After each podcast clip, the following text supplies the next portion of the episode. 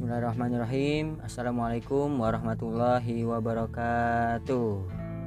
Alhamdulillah kembali lagi bersama kita di podcast Salim dan Zakaev.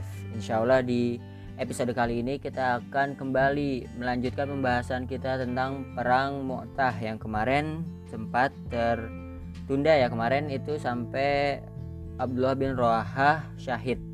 Dan sekarang ketika pasukan muslim sudah tidak punya lagi jenderal atau pemimpin atau komandan dalam peperangan, maka kaum muslimin pun sepakat untuk menunjuk Khalid bin Walid menjadi komandan pasukan kaum muslimin. Nah, ketika Khalid bin Walid menjadi komandan pasukan kaum muslimin ini, Khalid bin Walid melihat bahwasanya di dalam pasukan Islam di dalam kekuatan pasukan muslimin ini sudah mulai melemah karena ya udah capek perang berhari-hari dan sudah sekuat tenaga menahan serangan-serangan dari Romawi dan juga melakukan serangan balasan. Ketika itu Khalid bin Walid berpikir bagaimana caranya agar bisa mengalahkan atau menyusupkan rasa takut di dalam pasukan uh, di dalam hati pasukan orang-orang Romawi agar pasukan kaum muslimin tidak mengalami kerugian yang berarti jikalau mereka mundur. Karena kalau misalnya mereka mundur kan bisa aja dikejar ya kalau misalnya pasukan Romawinya masih eh, nggak uh, takut sama kaum muslimin. Nah Khalid bin Walid berpikir bagaimana caranya agar orang-orang Romawi ini bisa takut terhadap mereka. Dan akhirnya ketika pasukan muslimin sudah menahan habis-habisan serangan dari pasukan Romawi maka Khalid bin Walid pun menerapkan strategi bahwasanya pasukan front-front pasukan itu dibolak-balik. Jadi misalnya yang tadinya di front belakang jadi front depan, yang di kanan jadi di kiri, yang ya gitu dan di kiri juga jadi di kanan. Dan strategi itu pun cukup berhasil. Orang-orang Romawi, pasukan Romawi mengira bahwasannya kaum muslimin mendapat bala bantuan baru. Karena melihat orang-orang baru dan kepulan debu yang banyak. Dan melihat itu orang-orang Romawi pun merasa takut di hatinya. Dan ketika itu Khalid bin Walid bersama pasukan muslimin sambil menerapkan strategi itu strategi tersebut sambil mundur pelan-pelan sambil menjaga uh, komposisi pasukan ya agar pasukan Romawi tidak mengejar dan ini berhasil akhirnya pasukan Romawi pulang ke negerinya dan sama sekali tidak berpikir untuk melakukan pengejaran terhadap pasukan muslimin. Dengan begitu kaum muslimin dapat kembali ke Madinah dengan selamat.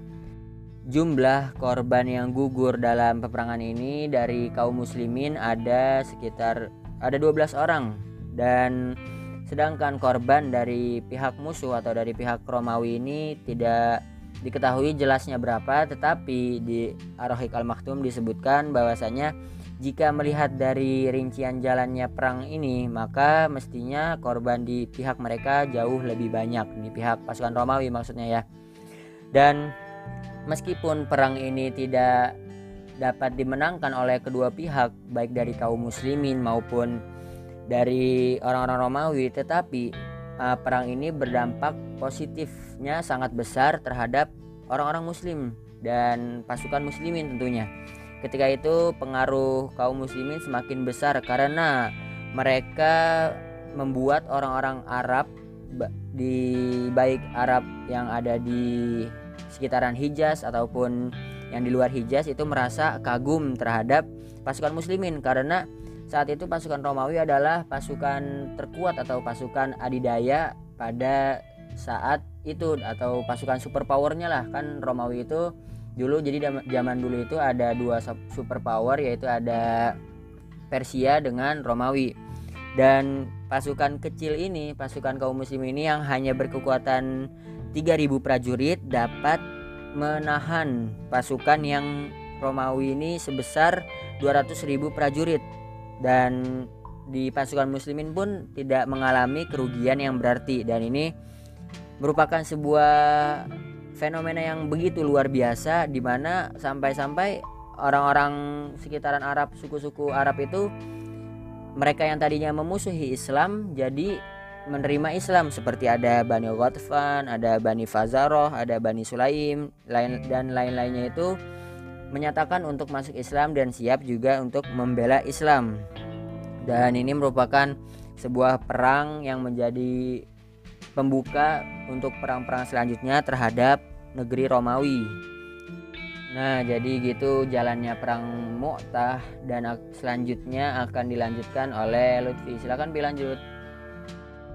Oke, Bu, Anda lanjutkan. Setelah Rasulullah Shallallahu Alaihi Wasallam mengetahui sikap kabilah-kabilah Arab yang tinggal di pinggiran Syam dalam perang Mu'tah, yaitu mereka malah bergabung dengan Romawi melawan kaum Muslimin, maka beliau merasa sangat perlu melakukan suatu tindakan yang dapat memisahkan mereka yaitu suku Arab dengan Romawi dan menyebabkan mereka bergabung dengan kaum muslimin sehingga tak terhimpun lagi pasukan sebesar itu. Untuk melaksanakan rencana ini, beliau menunjuk Amr bin As untuk diutus kepada mereka pada bulan Jumadil Akhirah tahun 8 Hijriah, seusai Pramu'tah untuk melunakkan hati mereka.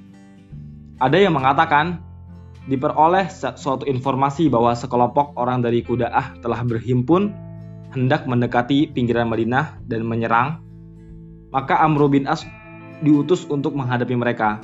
Boleh jadi dua sebab ini berhimpun bersamaan. Rasulullah Shallallahu Alaihi Wasallam menyerahkan bendera putih dan bendera hitam kepada Amr bin As. Amr membawa 300 prajurit dari kaum muhajirin dan ansor di antara mereka ada 30 penunggang kuda. Beliau juga memerintahkan agar meminta bantuan kepada siapa pun yang dilewati dari penduduk Bala Adroh dan Balqin. Mereka berangkat pada malam hari dan bersembunyi pada siang hari. Setelah dekat dengan musuh, Amru menerima informasi bahwa jumlah mereka cukup cukup banyak. Maka Amru mengutus Rafi' bin Mukaid al-Juhani menghadap Rasulullah Shallallahu Alaihi Wasallam untuk meminta bala bantuan. Beliau akhirnya kemudian mengirimkan Abu Ubaidah bin Jarrah, Abu Bakar dan Umar juga ikut bersama mereka.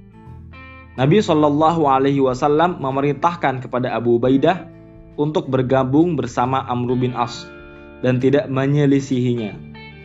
Setelah bergabung, ia berkata kepadanya, Sesungguhnya engkau datang kepadaku sebagai bala bantuan, dan sayalah amirnya, kata Amru bin As.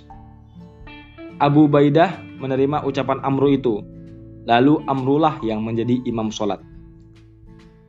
Mereka berangkat hingga tiba di wilayah Kudaah. Lalu terus berangkat hingga tiba di wilayah ujung. Ujung wilayah tersebut, wilayah Kudaah tadi. Di sana, mereka bertemu dengan suatu pasukan lalu diserang oleh kaum muslimin hingga pasukan itu porak-poranda dan melarikan diri ke segenap penjuru.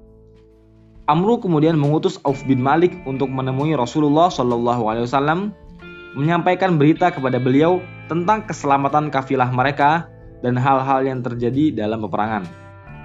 Datus Salasil adalah suatu tempat di belakang Wadi Qura. Jarak antara Datus Salasil dan Madinah sejauh perjalanan kaki selama 10 hari. Jadi tempatnya tadi terjadi di Datu Salasil yang tadi Kudaah tadi. Ibnu Ishaq menyebutkan bahwa kaum muslimin mengusatkan pasukannya di sebuah mata air di wilayah Juzam bernama Salasil. Maka ekspedisi ini dinamakan sebagai ekspedisi Salasil. Ada juga sebuah ekspedisi yang terjadi pada bulan Syaban tahun 8 Hijriah. Faktor penyebabnya adalah Bani Ghatafan kembali menghimpun pasukan di Khadirah yaitu sebuah wilayah di Najd, Jazirah Arab bagian timur. Maka Rasulullah Shallallahu Alaihi Wasallam mengirimkan ekspedisi dengan di bawah pimpinan Abu Qatadah bersama 15 orang untuk menghadapi mereka. Abu Qatadah berhasil membunuh dan menawan sebagian dari mereka dan mendapatkan harta ghanimah. Kepergian Abu Qatadah dalam ekspedisi ini selama 15 malam. Nah, itulah rangkaian cerita dan kisah pramuktah dan juga apa yang terjadi sebelum dan setelahnya. Kurang lebih mohon maaf. Barakallahu fikum. Wassalamualaikum warahmatullahi wabarakatuh. Jangan lupa saksikan episode-episode selanjutnya.